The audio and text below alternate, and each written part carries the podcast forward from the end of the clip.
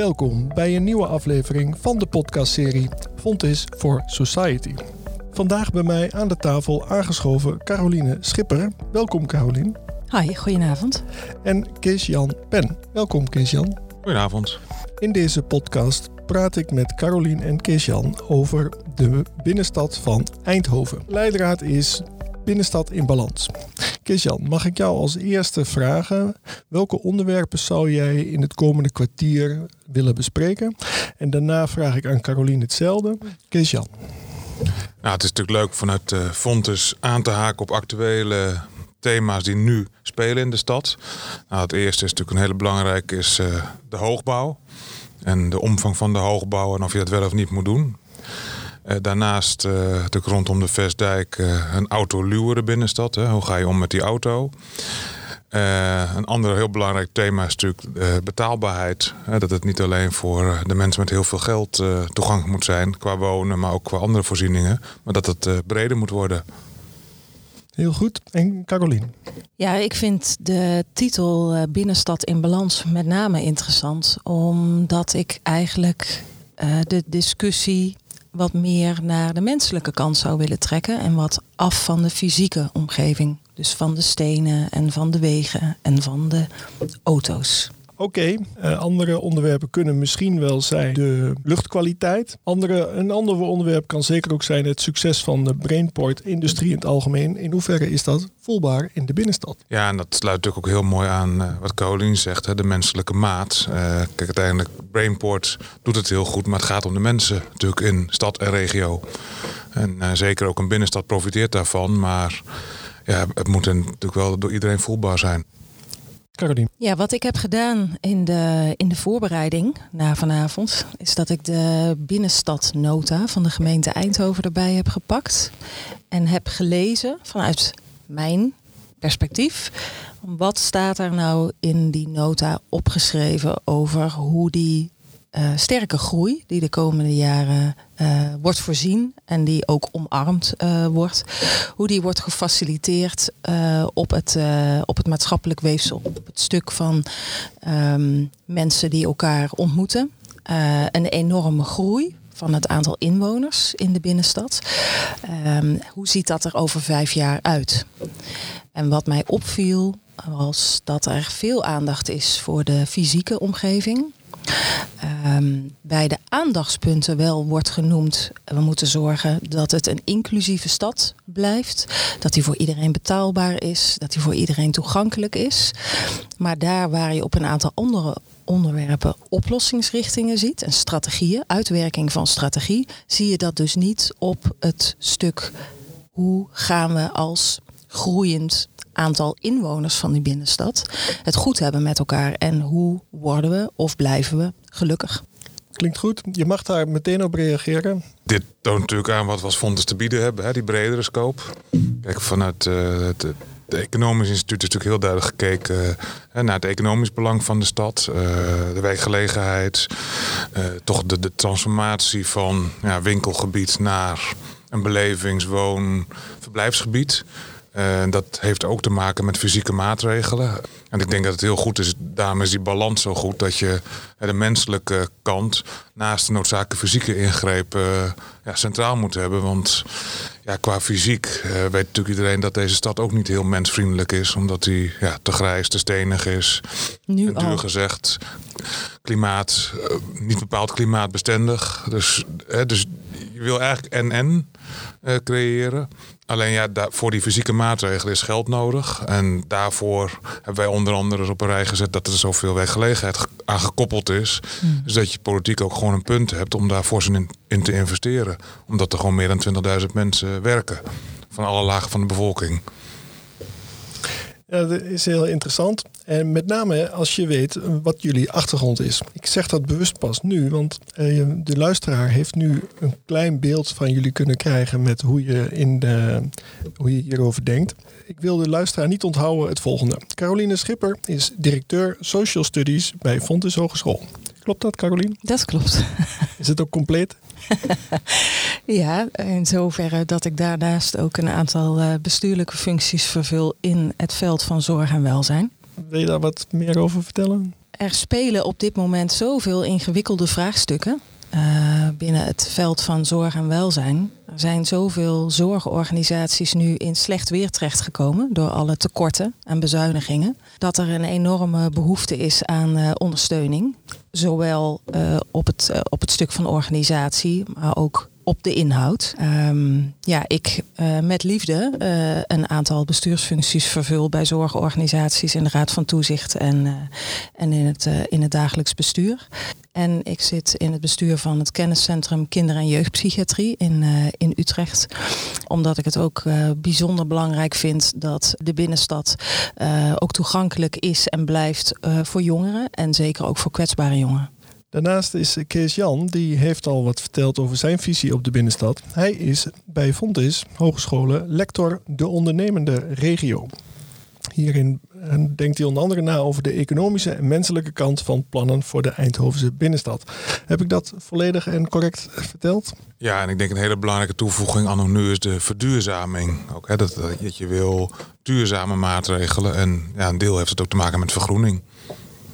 Ja, dat moet uh, klimaatadaptiever ook. Uh, dus ik denk dat dat een hele mooie win-win is. Dus economie en verduurzaming gaan samen. Als ik het goed begrijp, is Kees Jan heel erg voor ontwikkeling en industrie en werkgelegenheid.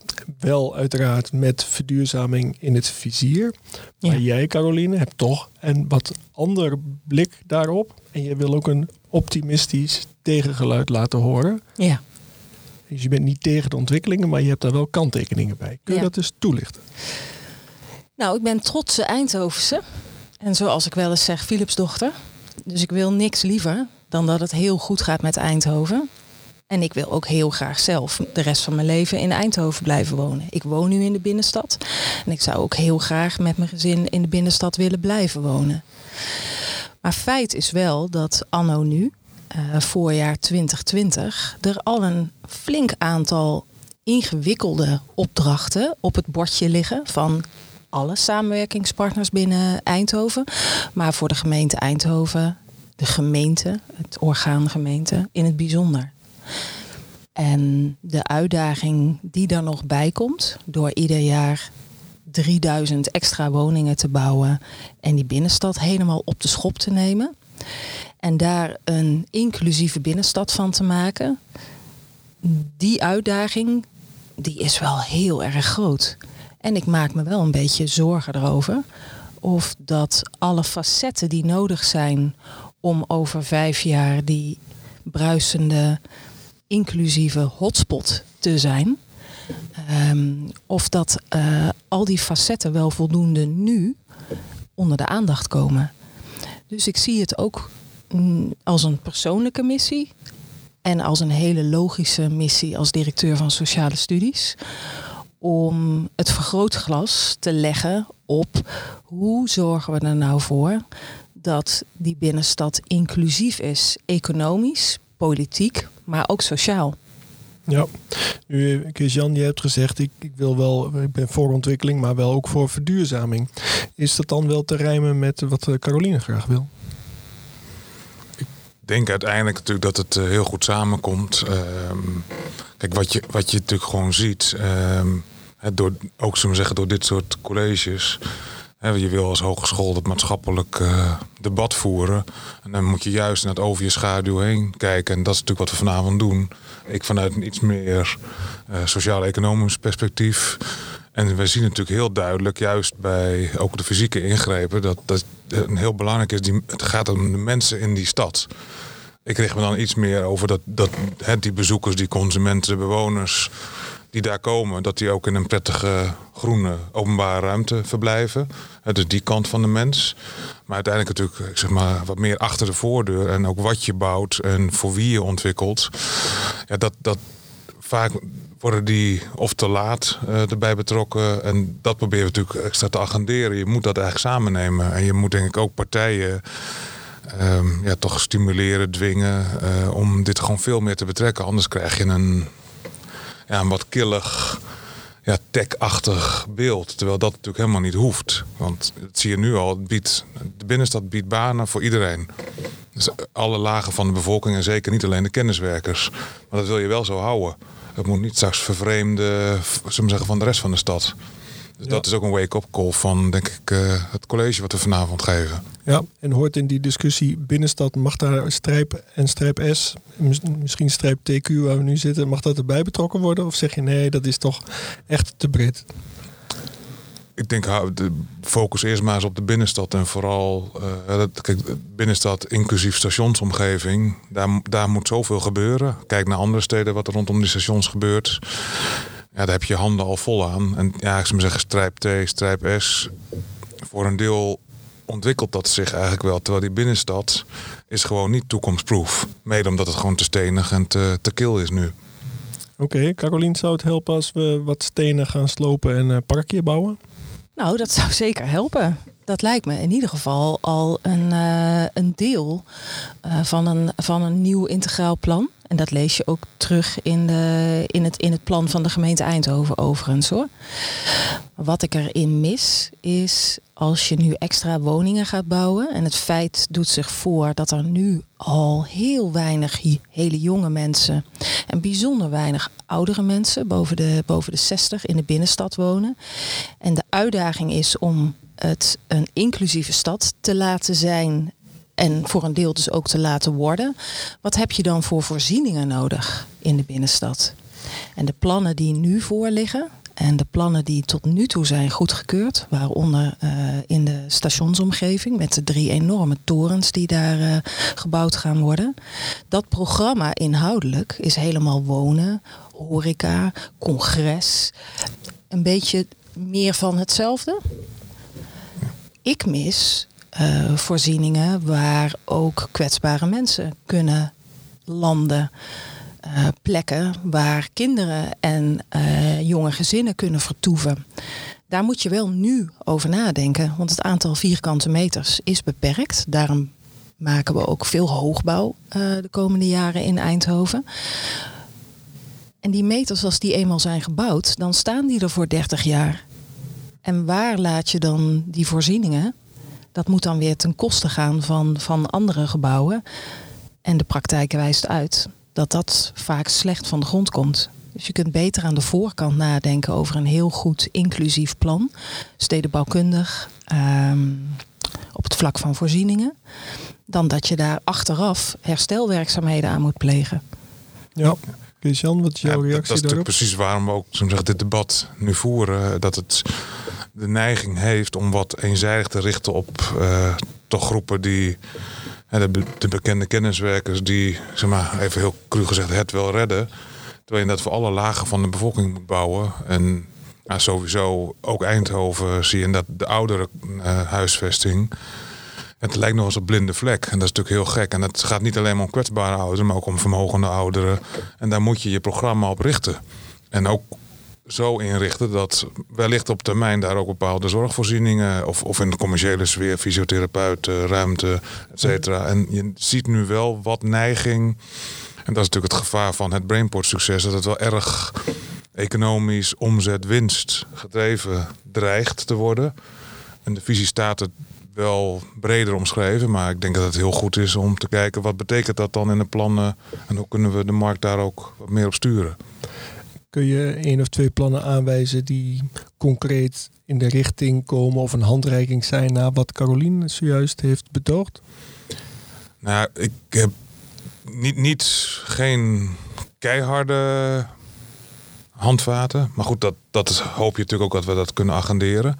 En ik denk dat er ook echt wel politiek draagvlak voor is. Maar in discussie over het woonprogramma hoorde ik wel uh, toch de neiging van, je zou eigenlijk eens moeten denken aan urban villa's-achtige idee. Ja, villa klinkt meteen weer voor de rijken, maar, dus, ja, maar dat, dat, zo heet dat concept wat ze in Berlijn ook hebben met hofjes en groene ruimte. Waar je dus ook wat meer woongemeenschappen kan krijgen. Dus je, wil wat gemeenschap, anders is het anoniem. En dat geeft mij wel het gevoel dat ook, ook wethouder daar wel open voor staat ook wat hoogbouw, maar het is niet alleen maar hoogbouw. Kijk, het, idee van het hoogbouw is dat het helemaal een soort Manhattan is. Dat is natuurlijk onzin. Maar om wat woningen kwijt te raken, zul je misschien soms een paar keer de hoogte in moeten. Maar met name wat wonen betekent voor die wat kwetsbaardere groepen, of ouderen of, of specifiek jongeren, dat blijft een beetje onbenoemd. Misschien is het leuk om uh, afsluitend uh, een aantal steden te noemen Dan mogen jullie allebei een paar steden noemen waarvan jullie zeggen: Goh, dat zijn voorbeeldsteden in mijn visie waar Eindhoven veel van kan leren. Als je denkt aan Shanghai, ik noem maar wat. De beelden die je daarvan ziet. Zoveel inwoners als Nederland op een uh, klein stukje. In het hoorcollege vanavond ga ik dieper in op Kopenhagen. Omdat Kopenhagen uh, uit verschillende onderzoeken blijkt dat Kopenhagen uh, de meest gelukkige mensen huisvest. En er zijn meerdere onderzoeken verricht om te bekijken waar, waar komt dat nou door. Dus dat is een ontzettend interessante stad, ook qua schaalgrootte, om naar te kijken. Ja, en uh, Kees-Jan? Nou, grappig deze case op een, op een ander thema. Daar zie je gewoon dat, uh, uh, daar heb je gewoon fietsfiles. En daar zie je dus echt dat fietsen en voet is veel leidender geworden. En heel veel hout in de openbare ruimte. Dat ze elke openbare ruimte benutten om iets te doen. In Kopenhagen? Dus, ja, dat vind ik. Dat, dat, is vooral de openbare ruimtekwaliteit. Terwijl het klimaat daar vergelijkbaar is. En dus dat is wel het eerste waar je aan denkt. Um... En ik ga vanavond laten zien dat sociale kenmerken en wat er achter de voordeur gebeurt, dat dat de mensen in Kopenhagen gelukkig maakt. Oké, okay, dat, dat is natuurlijk extra uh, nou ja, positief. En nou, dat ook de buitenklimaat ook nog eens een keer goed is. Dus de lucht, en als je, als je het binnen- en buitenklimaat kan aanpakken. Goed, buitenklimaat is veel aandacht voor. Dat is het lastige denk ik ook met uh, het idee van achter de voordeur kijken. Van hoe zorg je ervoor dat mensen daar ook inderdaad van profiteren en mee kunnen. Ja. En dan, ja, dan, je komt snel op, op Scandinavische steden. Ik vond zelf Oslo, waar ik ooit ben geweest, vond ik ook uh, een aangenaam uh, gevoel geven. Dus je komt snel in Scandinavische steden. Ja, zeggen, op Nederlandse schaal dat was ik zelf vergeten in de opinie, met name over het autoluweren. Want je wil eigenlijk, het auto is toch wel een, niet autootje pesten, maar is toch wel een lastige factor vaak in die leefbare binnensteden. Ik kom uit Groningen. Groningen is wel de eerste stad geweest die ooit de auto via een circulatieplan om de binnenstad heen heeft geleid en nog steeds functioneert. Ja. Het, het, loopt een beetje uit de hand dat de fietsers daar zo massaal aanwezig zijn dat je daarover struikelt. Maar hè, dus ik vind met name dat, dat een stad kan functioneren terwijl die auto te gast is. Dat soort steden en eigenlijk heel veel steden zijn daarmee bezig. Ja, nou, het lijkt mij een interessant uitgangspunt voor het, het hoorcollege van vanavond. Is er nog een dringende laatste toevoeging die jullie willen doen? Laten we communities gaan bouwen. Ja, dat, dat moet je toelichten. Ik denk dat uh, de sleutel uh, ligt na heel veel uh, decennia richting verdergaande individualisering. En de uitdaging die we hebben doordat er heel veel internationals in de binnenstad wonen en nog meer komen te wonen. En er heel veel studenten in de binnenstad wonen en nog meer komen te wonen. Dat dat vaak toch mensen zijn die hier niet voor de rest van hun leven blijven. Dus dat het heel erg belangrijk is dat er verbinding komt tussen mensen. Omdat het uitgewezen dat mensen gelukkig zijn in een stad als ze voelen dat ze erbij horen, belonging. En dat doe je door uh, communities te bouwen. En uh, een deel van het geluk van de mensen in Kopenhagen zit in co-housing. En een methode van wonen waarbij je van verschillende generaties bij elkaar woont en zorg draagt voor elkaar. En soms ook voor de fysieke omgeving, maar vooral voor elkaar. Heb je daar ook nog heb je iets aan toe te voegen? Of Kees-Jan, heb je ook nog een uh, laatste uitsmijter? Iets anders als een soort... Uh, eigenlijk zou de binnenstad een maandelijkse boomplandag moeten creëren. Omdat je gewoon ziet dat vergroening is win-win-win. En dat is het leuke. Hè? Dus vergroening en economie gaan samen. Want dat is beleving, kwaliteit. Het wordt koeler, prettiger, goed voor de omzet. Dus Parkjes, ja, ontmoetingsplekken. Dus het zou ik heel leuk vinden als zoiets ludieks en misschien is het symbolisch. Haal één tegel eruit, zet er een plantje in, eens kijk wat er gebeurt. Of mobiele plantenbakken, die hebben ze in Kopenhagen ook. Doe eens gek. Nou, dat lijkt mij een mooie afsluiter. Ik wens jullie heel veel plezier vanavond. Dankjewel.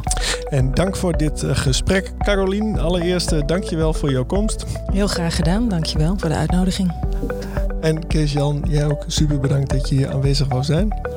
Ja, ook dankjewel en uh, veel plezier zo met college. Yes, ik ga ook met, uh, met veel plezier luisteren. Voor de luisteraars, uh, bedankt voor het luisteren en graag tot de volgende podcast.